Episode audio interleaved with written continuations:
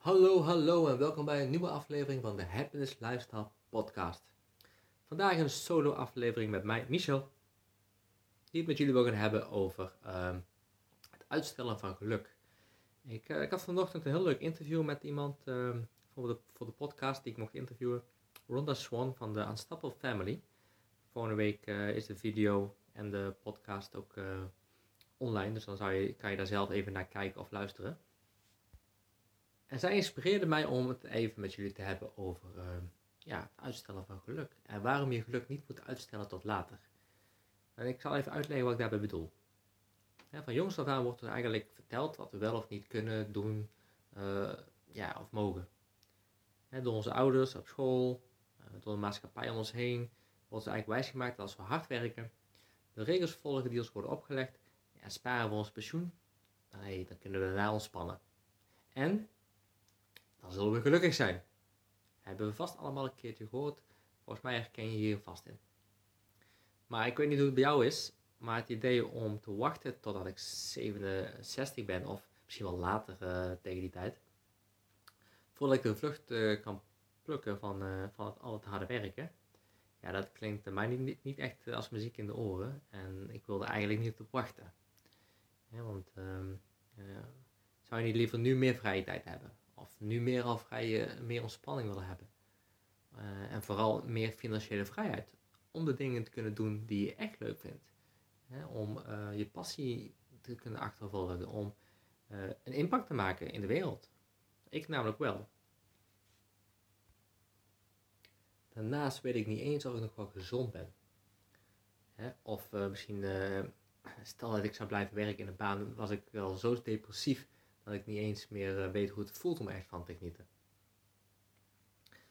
Ik kon dus nu graag met je delen waarom ik vind dat je geluk niet uit moet stellen tot later. Waarom het belangrijk is en waarom ik het belangrijk vind om nu te kiezen voor een betekenisvol leven waarin je gelukkig en succesvol kan zijn. Want het kan nu al, als je de regie terug in eigen hand neemt. En als je hier dan ook voor kiest, hè, dat je er ook vol voor gaat, 100%. Niet terugkijken, die deur gewoon dicht trekken en volle kracht vooruit. Je hebt dus tip op die horizon en daar ga je naartoe. Want veel te vaak zeggen we dat we gelukkig en succesvol willen zijn, om vervolgens maar weer terug te gaan naar die baan die geen voldoening geeft, waar je niet de volste kwaliteit benut en vooral werkt aan de droom van een ander. Want zo is het nou eenmaal. Je kunt wel zeggen van ik ga vooruit, ik ga doen wat het, waar mijn hart ligt, waar mijn passie ligt. Maar als je niet ten volste van overtuigd bent en alles op alles zet, dan kunnen elk uh, tegenslag, um, ja, die kan ervoor zorgen dat je van je pad afraakt. En als je dan bijvoorbeeld uh, een quote van Jim Rohn, die ik, uh, die heel mooi vind, is: If you really want to do something, you will find a way. If you don't, you will find an excuse. En ik vertaal die in het Nederlands altijd als wie gemotiveerd is, vindt een weg. Wie niet gemotiveerd is, vindt een reden. Hè? Dus wat ik daarmee bedoel is van, um, als je als je echt weet wat je wil, en je bent super gemotiveerd en enthousiast om ervoor te gaan, dan zorg je, yeah, you're gonna make it happen. No matter what. Wat er ook gebeurt, jij gaat door. Je kijkt niet achterom. Je gaat geen gebruik maken van uh, oude vangnetten die je nog uh, hebt staan. Je gaat gewoon vol voor wat je wil. En doe je dat niet, ja goed, dan, dan heb je altijd wel een reden om um, s'avonds Netflix te kijken of om op te geven. Of ja, weet je wel, zijn, dan kan je genoeg excuses vinden. Dan, kan je, dan word je cynisch, dan zie je beren op de weg. Dan, dan je, gedachten gaan dan vanzelf um, bewijslast vinden uh, waarom het niet lukt. Nou, in mijn geval, na een aantal jaren in banen gewerkt te hebben die mij onvoldoende voldoening gaven, wel een mooi inkomen, was het uiteindelijk genoeg. ik besefte ook zelf dat het roer om moest, had ik nu, in plaats van later, gelukkig en succesvol wilde zijn. Ik had geen idee hoe, wat ik wilde gaan doen of hoe dat te bereiken. In het begin. Dat is een pad wat ik over de jaren ben afgegaan, waar ik persoonlijke groei heb doormaakt en uh, met vallen opstaan uiteindelijk bij de Happiness Lifestyle Academy terecht ben gekomen. En nu weet ik wat mijn passie is en dus dat ik, um, ja, nu heb ik het allemaal samengebracht in, uh, in deze podcast bijvoorbeeld, waar je nu naar luistert. Praten hier dan ongeveer over vijf jaar geleden. En wat ik toen wel al wist, is dat ik een bijdrage wilde leveren aan een betere wereld voor iedereen. Ik weet dat ik namelijk voldoening krijg uit het beste uit mensen naar boven halen. Dat is een van de quotes die ik vaak gebruik. En dat staat ook op mijn LinkedIn profiel.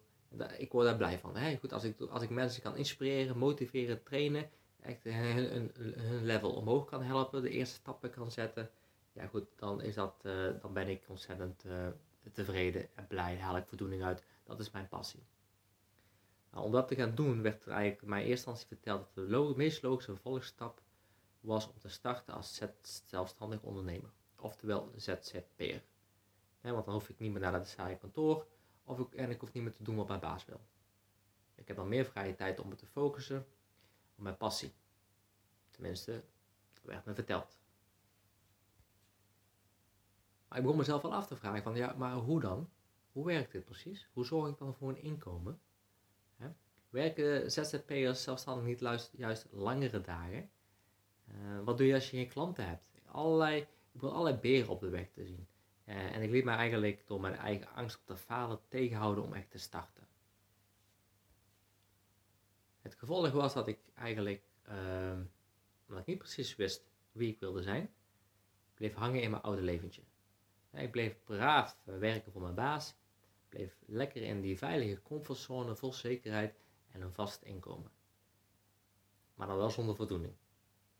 Kijk, en diep van binnen bleef er dan wel iets aan me knagen. Ik, ik had wel dat gevoel en ik had een stemmetje in mijn achterhoofd van ja, je wil, ik wil meer uit het leven halen. Ik ben niet blij met wat ik doe, aan het doen ben. Ik wil, ik, ik wil, uh, ik wist al wel dat ik dit niet tot mijn uh, pensioen wilde doen. Dus ik bleef daarin hangen. Ik, ik, ik kwam niet vooruit. Het bleef allemaal maal in mijn hoofd. Ik, ik bleef bij gedachten. En die gedachten die zorgden uiteindelijk dat ik in een burn-out terecht kwam. Nou, we praten nu over een jaar of ja, 2014, 2015, een jaar of 5, 6 geleden.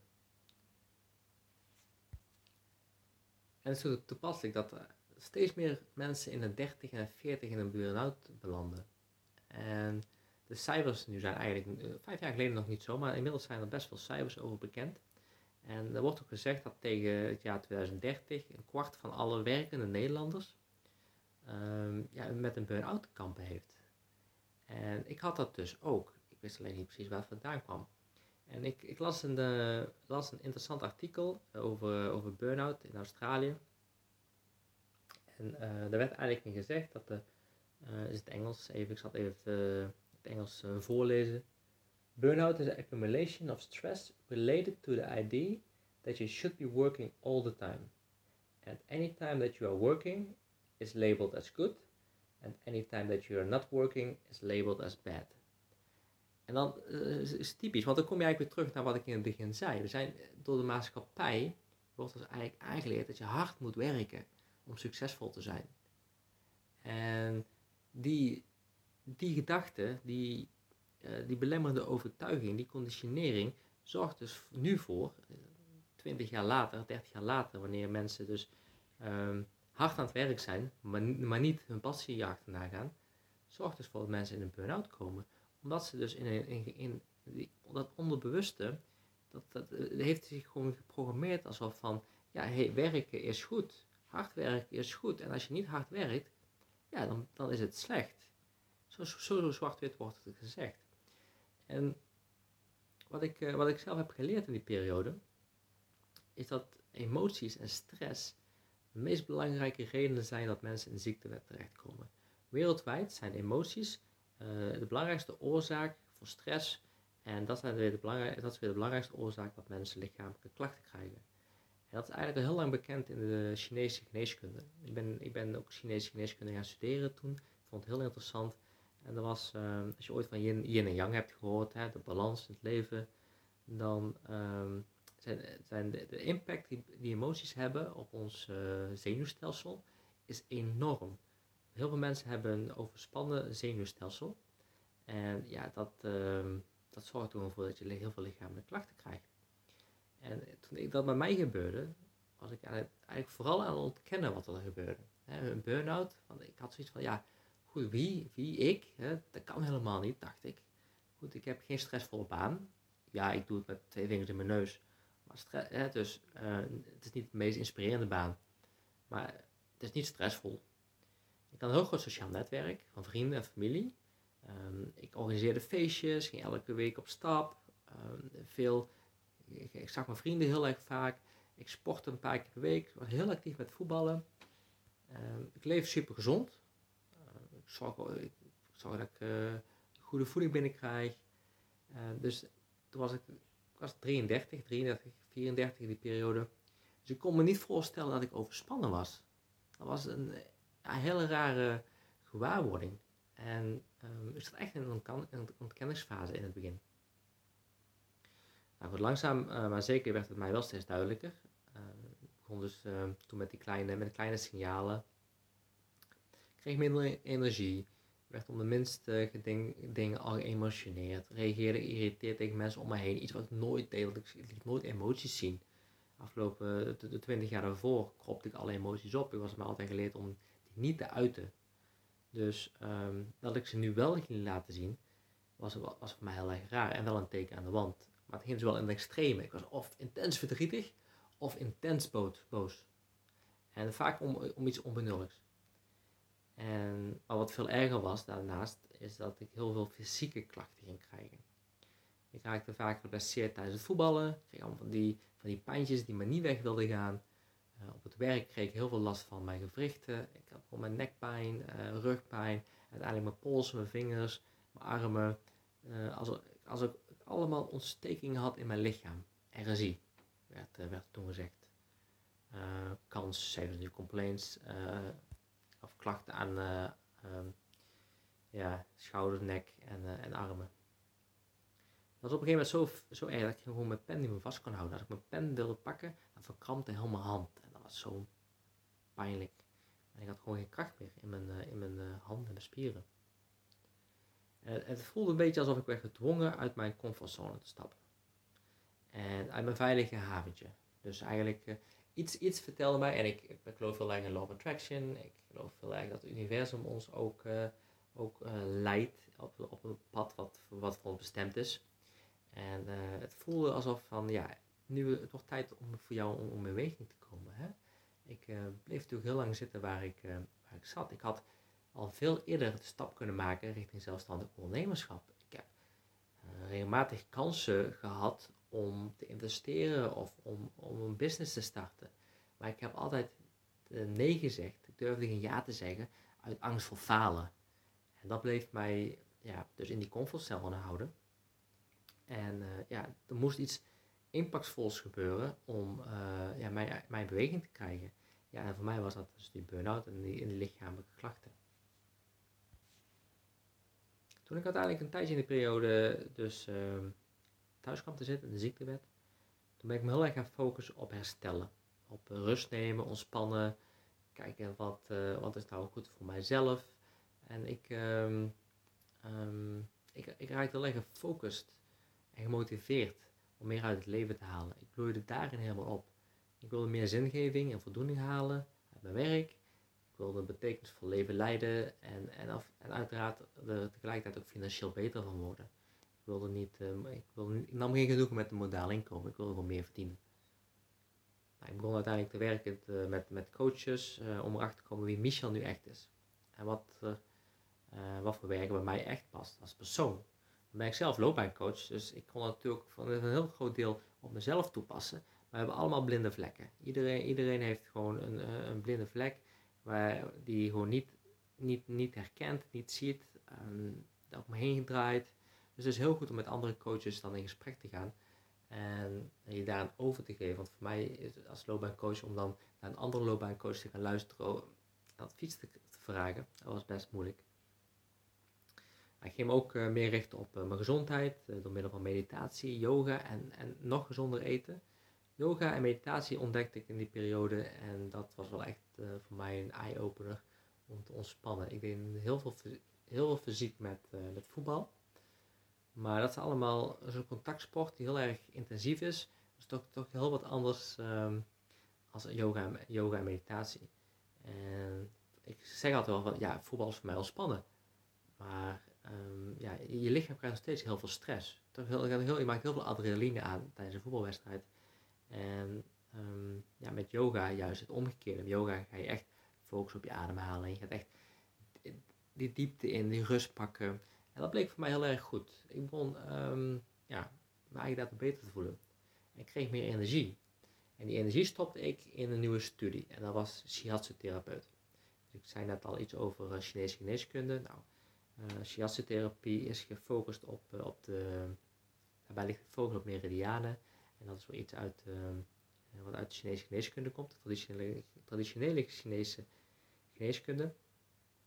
En dat was heel erg interessant. Ik leerde heel veel, ik leerde heel veel over mijn eigen lichaam, over mijn eigen gedachtenprocessen.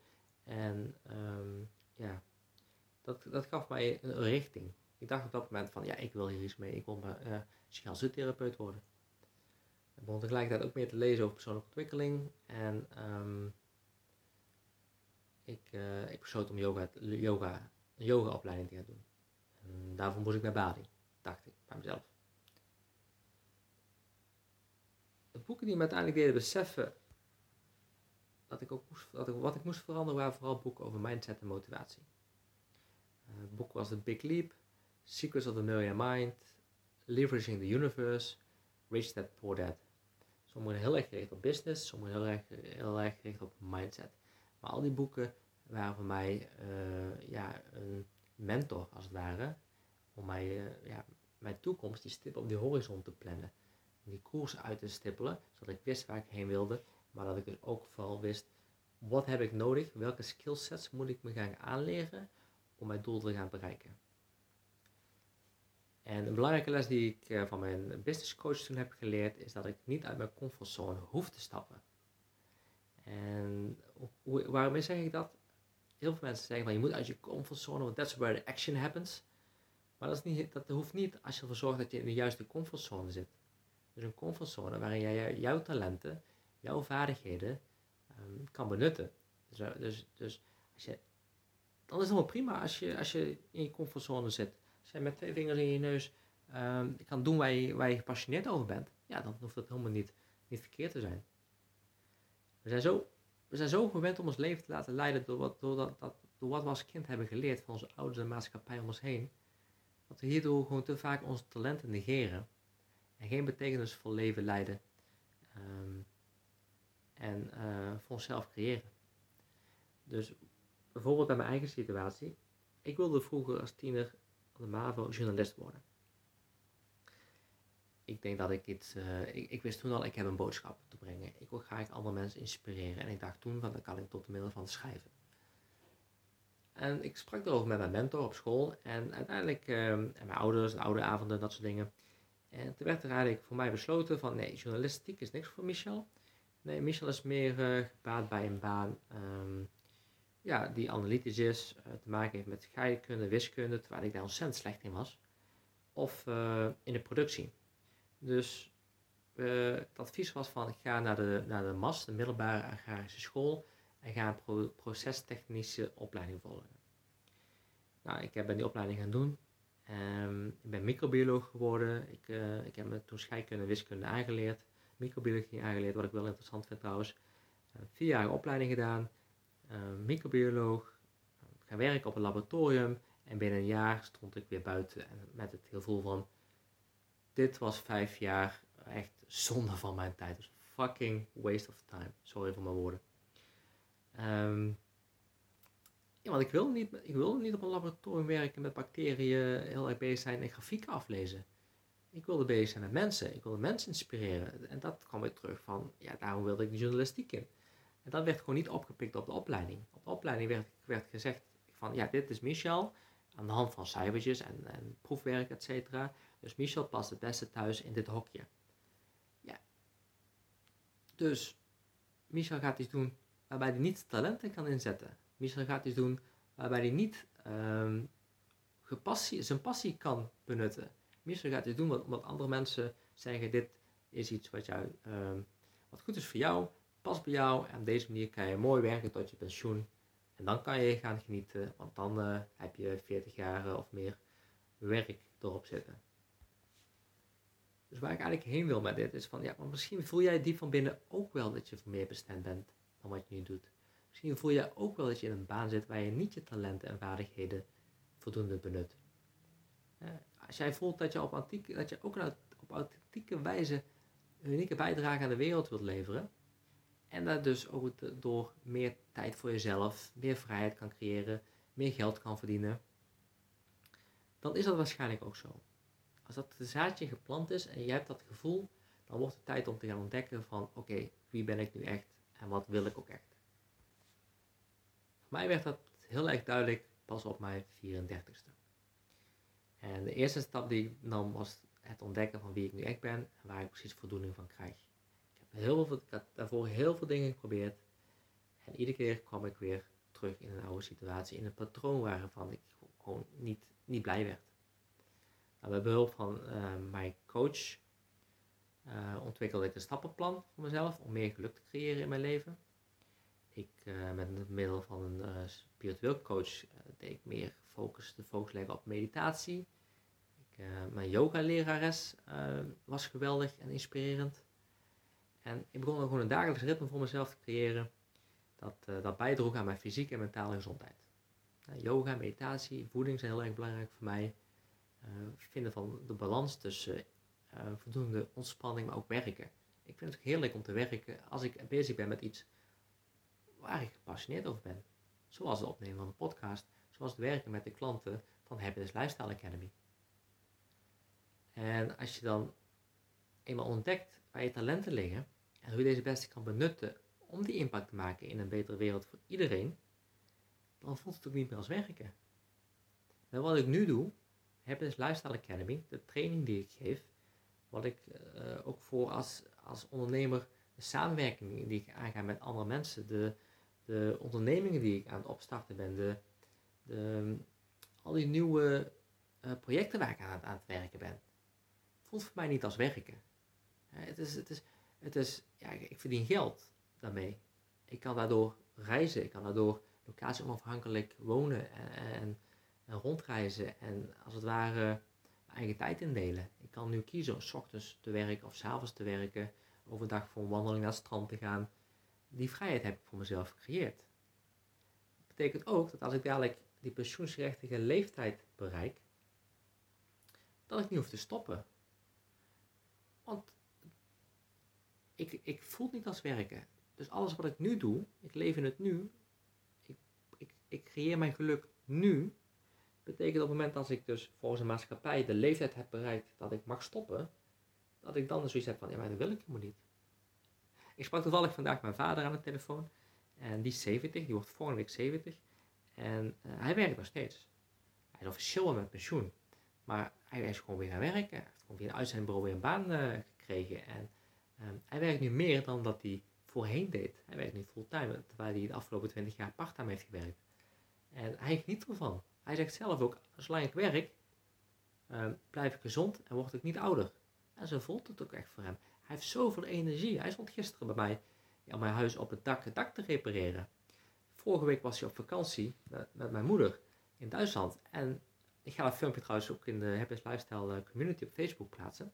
op een gegeven moment zie je, sturen ze een filmpje van, uh, van een 70-jarige man aan een zipline die met weet, ik weet niet hoeveel kilometer per uur van een berg afraast met één hand ook nog zwaait naar de camera. Ik denk van, goed, die man, die vader van mij, die geniet gewoon echt van zijn leven. En daar kan ik weer van genieten. En dat wil ik ook. Ik wil ook, als ik dadelijk die leeftijd heb bereikt, bezig zijn met iets waar ik gepassioneerd in ben. Zodat het niet voelt als werken. Want dan kom je ook als je dan kijkt naar de beroemde quote, ik denk de quote van Boeddha is, the key to the happiness, or the, the key to success is not happiness. Happiness is the key to success. If you do what you love, you will be successful. En ik denk dat dat even in moet zinken, want te veel mensen zijn gefocust op van ik moet, ik moet werken, want dan ben ik succesvol. Maar dat ook weer, en daar kan ik een hele, hele andere podcast over opnemen, dat is ook weer wat is de definitie van succes. Misschien dat gaan we gewoon doen, daar gaan we een ander gesprek over hebben. Ik ga misschien wel iemand voor interviewen. Want onze maatschappij, wat dat betreft, hebben ook een heel erg raar vertekend beeld van wat succes nu eigenlijk is. En dus we terugkomend op, op gelukkig zijn nu. Als je nu iets doet waar je gelukkig van wordt, waar je over gepassioneerd bent, dan voelt, en het voelt niet als werken, dan ben je bezig met je talenten goed te benutten. Nou, in mijn geval is dat dus uh, podcasting, yoga retreats eh, organiseren, duiken ehm, en al dat soort dingen. Hè, coaching is iets wat ik al, jarenlang heb gedaan als loopbaancoach. Doe ik dus nog steeds. Ik help nog steeds mijn klanten met het opzetten van een online business. Gaan eerst kijken van oké, waar, waarin ben je gepassioneerd? We werken aan de mindset. En dan gaan we zorgen dat je dus dat succesvol online business kan opzetten. Dat was ook de reden waarom ik daarmee ben gestopt. De reden was de organisatie waar ik in, in deed. Ik werk met mensen, ik werk altijd al als loopbaancoach, maar de hele, hele maatschappij eromheen, het hele bedrijf eromheen was niet zoals ik het wilde doen. Nu als eigen, als ondernemer kan ik zelf kiezen met welke klant ik werk, hoe ik ze train, wat ik wil of niet doe, welke samenwerkingsverbanden ik aanga met partners. Ja, en dat maakt het leven gewoon zoveel leuker en daardoor blijf ik gemotiveerd. Dus eigenlijk om af te gaan ronden, want ik ben alweer 25 eh, minuten uh, aan het praten, uh, ben ik eigenlijk benieuwd van, oké, wat welk talent heb jij dat je nu echt ten volste benut in je werk? Die vraag stel ik zodat je even gaat nadenken van, ben ik wel echt op de juiste plek bezig? Doe ik het juiste werk? Is het iets wat ik tot het einde van ja, mijn carrière, loopbaan wil blijven doen? Of zijn er talenten die ik, uh, die ik heb, die ik niet ten volste benut? Ja goed, en dan ben ik heel benieuwd wat voor een stap gaat worden. En dan hoop ik dat je gaat nadenken van oké, en dat je dus de inzicht nu hebt van wil ik gelukkig zijn, dan moet ik iets doen wat binnen mijn passie past, binnen mijn talenten en vaardigheden. En dan kan je die stip op de horizon uitzetten. Oké, ik ga stoppen met praten. Ik ben heel benieuwd wat je hiervan vindt.